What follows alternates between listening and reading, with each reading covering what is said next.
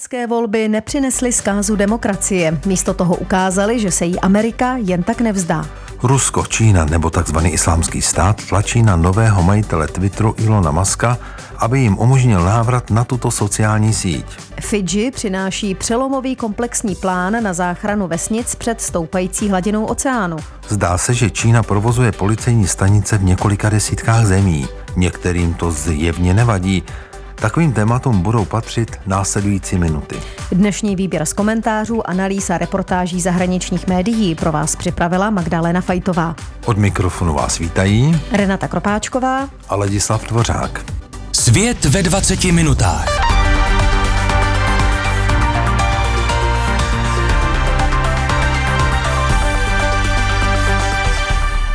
Rok 2022 měl být podle mnohých politiků a analytiků začátkem nové krize demokracie ve Spojených státech.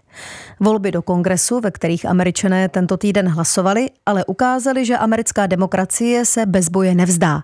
Píše americký spravodajský server Vox. Odborníci na americkou politiku ještě nedávno mluvili o možnosti rudého tsunami, tedy situace, kdy volby jednoznačně ovládne republikánská strana, tradičně označovaná červenou barvou. Hlavními aktéry této rudé záplavy měli být lidé, kteří popírají výsledky prezidentských voleb z roku 2020 a také zastánci a šiřitelé konspiračních teorií. K ničemu takovému ale nedošlo. Republikánští kandidáti, kteří prosazují konspirace a tvrdí, že volby do úřadu amerického prezidenta byly sfalšované, si dokonce vedli velmi špatně. Například v klíčové Pensylvánii zvítězil demokrat Josh Shapiro s dvouciferným náskokem před Dagem Mastrienem, jedním z účastníků útoku na kapitolo z loňského 6. ledna. V Michiganu porazila úřadující demokratka Gretchen Whitmerová republikánku Tudor Dixonovou, která opakovaně tvrdila, že prezidentské volby před dvěma lety byly sfalšované.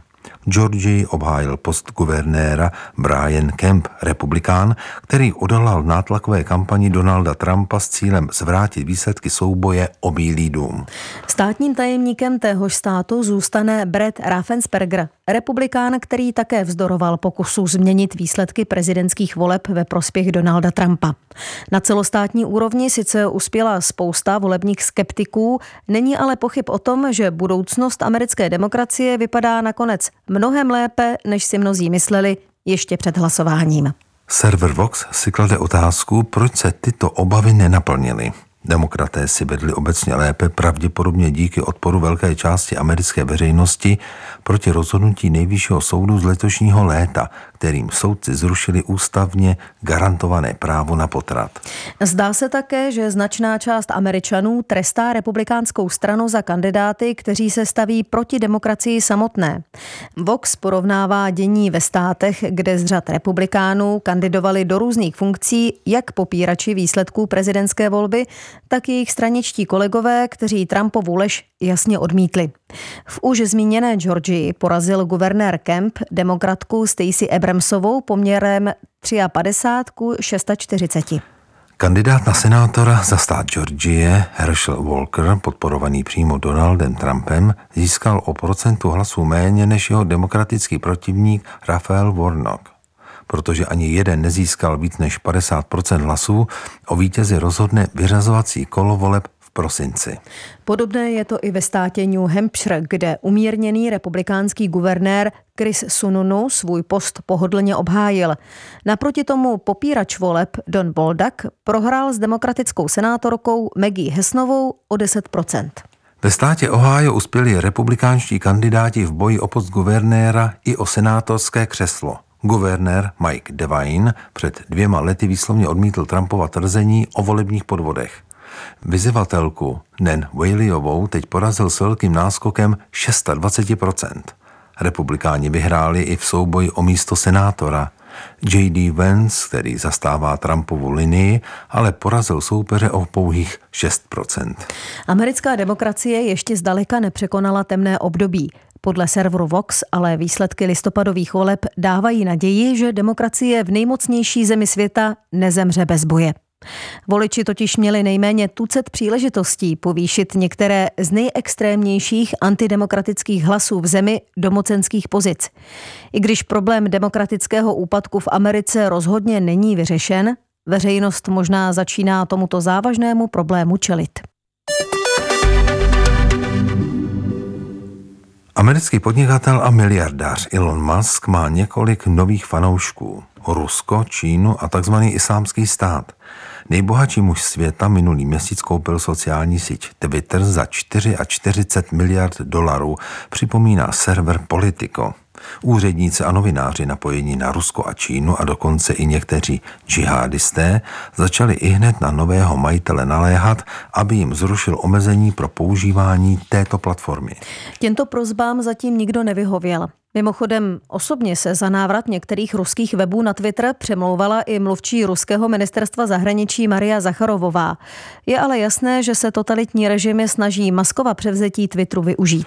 Pravicově extremistické skupiny na západě už dříve označili Maskovo vlastnictví Twitteru za signál, že budou moci zveřejňovat nenávistný a potenciálně nezákonný obsah s malým nebo žádným odporem.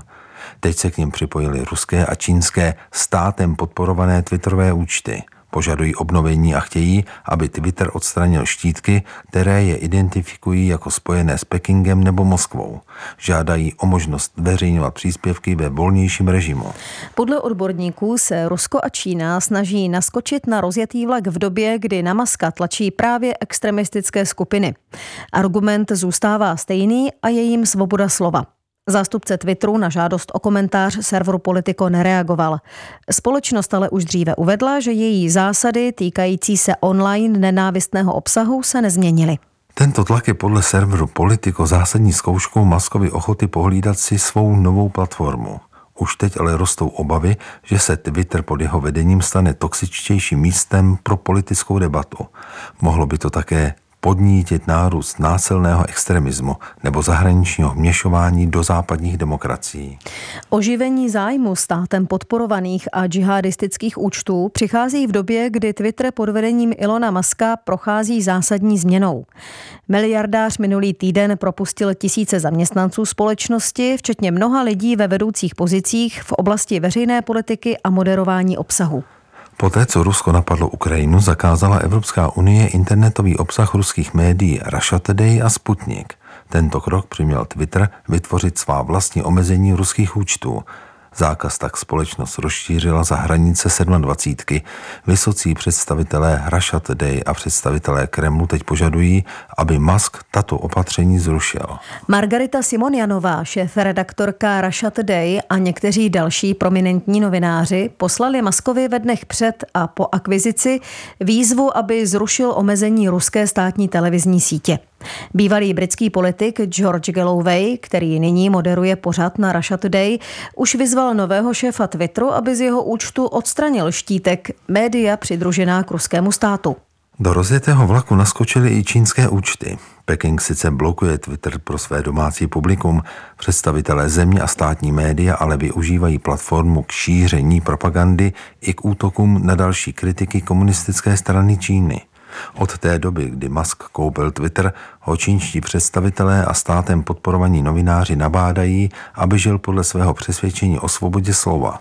Podle příspěvku na Twitteru od Chena šéfa Evropské kanceláře státního deníku China Daily, musí Musk odstranit všechna diskriminační pravidla pro čínské účty. Stoupenci islámského státu se také snaží dostat zpět na platformu. Džihadistické online komunity podle serveru Politico Maskovo převzetí Twitteru vítají jako příležitost k návratu. Před rokem 2015 mohly být příspěvky související s tzv. islamským státem zveřejňovány bez omezení, a to včetně videí a obrázků z a jiných násilných činů. Nástroje Twitteru pro moderování obsahu v uplynulých sedmi letech zatlačili takovou aktivitu do ilegality – Počet účtů spojených s islamským státem na Twitteru ale zaznamenal prudký nárůst právě před maskovou akvizicí, která se uskutečnila koncem října. Podle šéfa bezpečnosti a integrity Twitteru Joela Rota se zásady společnosti vůči nenávistnému obsahu a takzvaným online trollům od Maskova převzetí nezměnily. Ne všichni jsou o tom ale přesvědčeni. Zdá se, že účty takzvaného islámského státu jsou stále drzejší, říká Mustafa Ayat, výkonný ředitel pro Afriku, Střední východ a Ázii v Institutu pro strategický dialog. Podle Ayada to rozhodně není dobrá zpráva. Pokud budou mít lidé pocit, že obhájci a stoupenci takzvaného islámského státu jsou zpátky na Twitteru, motivuje to další extremisty, kteří budou sdílet nenávistný obsah, uzavírá server Politico. Posloucháte Svět ve 20 minutách. Výběr z komentářů, analýz a reportáží zahraničních médií. Vrátit se k ním můžete na webu plus.rozhlas.cz, v aplikaci Můj rozhlas a v dalších podcastových aplikacích. Kvůli klimatické krizi mohou být desítky vesnic na Fidži už brzy pod vodou. Tamní úřady ale vymysleli velkolepý plán, jak komunity zachránit a topící se vesnice ubránit. Učit se z tohoto příkladu může i zbytek světa, píše britský deník Guardian. Za poslední čtyři roky se zvláštní vládní pracovní skupina na Fidži snažila přijít na to, jak přesunout část tamních vesnic. Plán, se kterým přišla, má 130 hustě popsaných stran a text je proložený složitými pavučími grafy a podrobnými časovými osami. Dokument má dosti nudný a neinspirativní název, který zní standardní operační postupy pro plánované relokace. Jde ale o nejdůkladnější plán, jaký byl kdy navržen k řešení jednoho z nejnaléhavějších důsledků klimatické krize. Tím je otázka, jak přemístit komunity, jejichž domovy brzy budou nebo už teď jsou pod vodou. Fidži leží v Jižním Pacifiku, necelé 3000 kilometrů východně od Austrálie. Má více než 300 ostrovů a jejich populace čítá necelý milion obyvatel. Stejně jako většina Tichého oceánu je i Fidži silně náchylné na dopady klimatické krize. Povrchové teploty i teploty oceánu v částech jeho západního Pacifiku rostou třikrát rychleji, než je celosvětový průměr. Pět z 15 zemí, které jsou nejvíce ohrožené dopady klimatických změn, se nachází právě v Tichém oceáně – Fidži figuruje na 14. místě tohoto seznamu. To, o co se Fidži pokouší, je bezprecedentní. Politici a vědci léta mluví o perspektivě klimatické migrace. Na Fidži a ve velké části v Pacifiku tento přesun začal. Už tam není otázkou, jestli se budou komunity muset přestěhovat, ale jak přesně se to dá udělat. V současné době je kvůli dopadům klimatické krize vyčleněno 42 fidžijských vesnic, které se připravují na přemístění v příštích pěti až deseti letech. Šest vesnic se už muselo přesunout. Každá nová tropická bouře nebo jiná přírodní katastrofa sebou přináší riziko, že je budou muset následovat další. Přestěhovat vesnici přes bujný hornatý terén Fidži je přitom neuvěřitelně složitý úkol, upozorňuje Guardian – Nejde jen o 30 nebo 40 domů a jejich přesun na vyšší místa. Spolu s nimi je třeba přemístit také školy, zdravotní střediska, silnice, elektrické rozvody, infrastrukturu ale třeba i kostel nebo hřbitov. Plán, který na Fidži vytvořili, je v závěrečné fázi konzultací a brzy ho má schvalovat tamní vláda. Žádná jiná země nepokročila tak daleko v úvahách o tom, jak dělat plánovaná rozhodnutí o relokaci na národní úrovni, říká Erika Bourová, expertka na plánované relokace, která spolupracovala s OSN a fidžijskou vládou. Vuni Dogoloa je vesnice se 140 obyvateli na Vanua Levu, druhém největším ostrově Fidži. Neblaze proslula tím, že byla vůbec prvním lidským sídlem na světě, které přesunuli kvůli klimatickým změnám. Původní umístění vesnice je dnes spíše místem duchů. Dvacítka opuštěných domů stále stojí, otevřenými dveřmi a rozbitými žaluzemi hvízdá vítr – Střechy se propadají a vše zroustá vegetací. To, co kdysi bývalo svěží trávou, kde se lidé scházeli k jídlu a pití, je nyní bažina. Diskuse o přestěhování Vuny do Goloa začala kolem roku 2004. O dva roky později se komunita obrátila na provinční vládu a požádala o pomoc s přemístěním. Větší část desetiletí trvalo, než pro ně úřady našly a připravili nové místo hlouběji ve vnitrozemí ostrova. Stěhování bylo pro vesničany poslední možností. Vesnice se přizpůsobovala změnám tak dlouho, až se už adaptovat nemohla. K přesídlení potřebuje komunita ideálně dvě věci. Vesnice musí mít půdu a musí mít zdroje, tedy dřevo, štěrk, kameny a písek. Alespoň v něčem měli obyvatelé vesnice Vuni Dogolova štěstí. Vesničané nemuseli vyjednávat se sousedním klanem nebo s vládou o pozemcích, na které by se mohli přestěhovat. Při přesunu se ale nadělalo mnoho chyb. Všechny domy v nové lokalitě Vuny do Goloa byly například postaveny bez kuchyní. Makarita Vaka Vono Vonová z organizace Climate Talk tvrdí, že tato chyba jednoznačně ukazuje na zásadní problém, kterým je nedostatek komunikace s vesnicí a jejími obyvateli. V tomto případě se patrně projevila zejména absence žen u jednacího stolu. Většina obyvatel si ale přesto myslí, že výhody přesunu jednoznačně převažují nad nevýhodami. Nových domech jsou septiky, solární panely a splachovací záchody. Každá rodina má svůj vlastní domov, zatímco na starém místě by každé obydlí sdíleli dvě nebo tři rodiny. Pak je tu samozřejmě ještě primární důvod pro přesun. Lidé se v dohledné době nebudou brodit v mořské vodě, když se budou snažit přejít přes ulici. Guardian dovozuje, že komunikace je pro úspěšné přesuny klíčová a je potřeba zaměřit se na to, co se příště nesmí při stěhování celé vesnice opomenout. V první řadě je to problematika vlastnictví půdy. Jednotlivými přesuny se podle plánu kabinetu Fidži budou zabývat různé orgány. Práci si rozdělí podle toho, z jakých důvodů se vesnice přesouvá, nebo podle toho, kdo vlastní půdu na novém místě. S prvním návrhem plánu přišla vláda na Fidži v roce 2020 a od té doby prošel nespočtem přepracování. Do řízení přesunu se během tohoto procesu zahrnuli i ženy. S vládou všechny kroky konzultovaly různé mezinárodní organizace a ekologická hnutí. Jednání koordinovala hlavní rozvojová agentura Německa.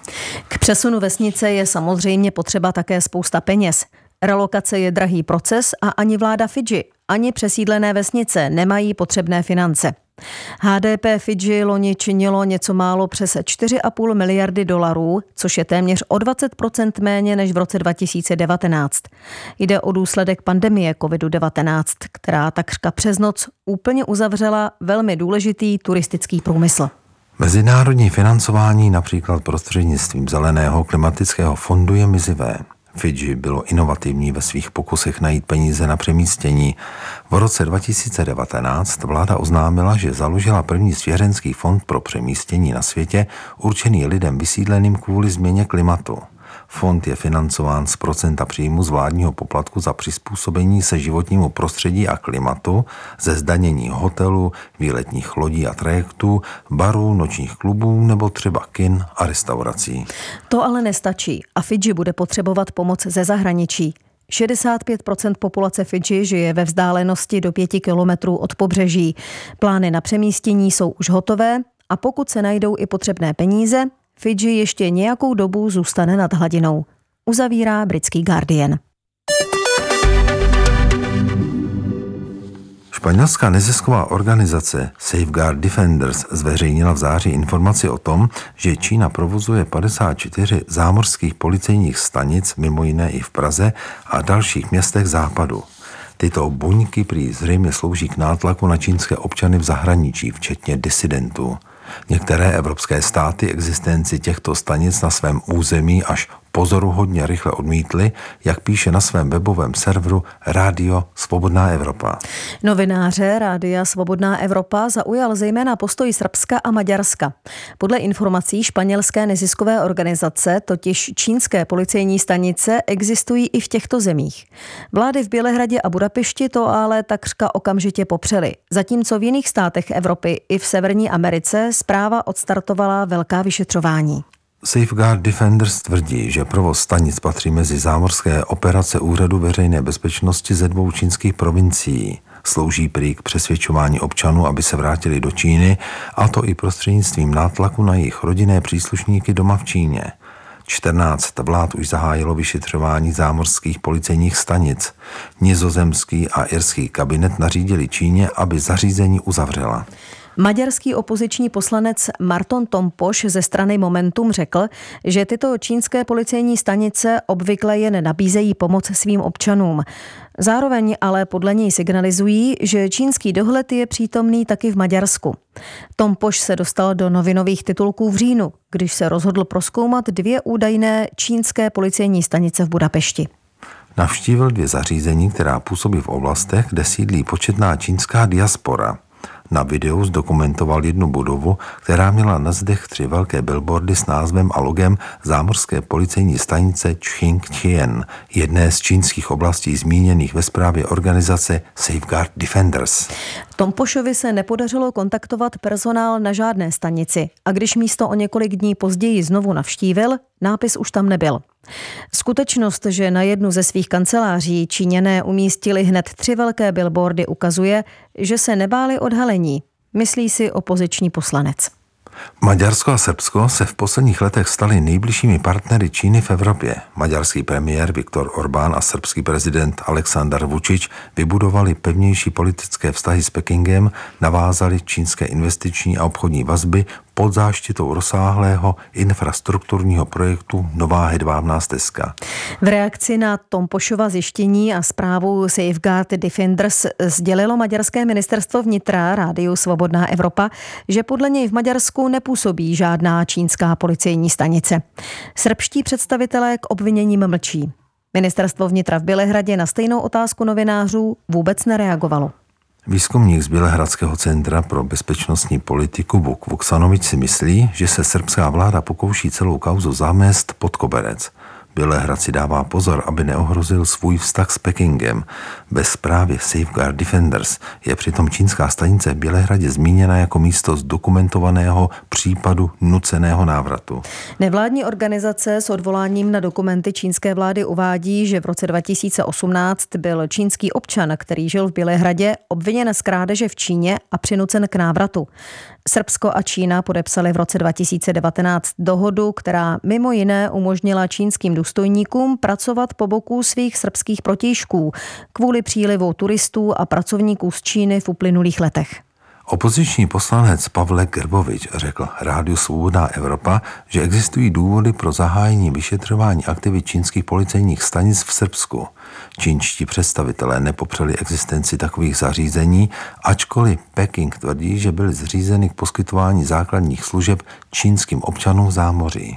Služby, jako je obnova pasu nebo žádost o víza, ale obvykle vyřizuje velvyslanectví nebo konzulát. V těchto místech platí diplomatická pravidla. Policejní základny, jako jsou ty, z jejichž provozování je teď Čína obvinována, by mohly narušit územní celistvost hostitelské země.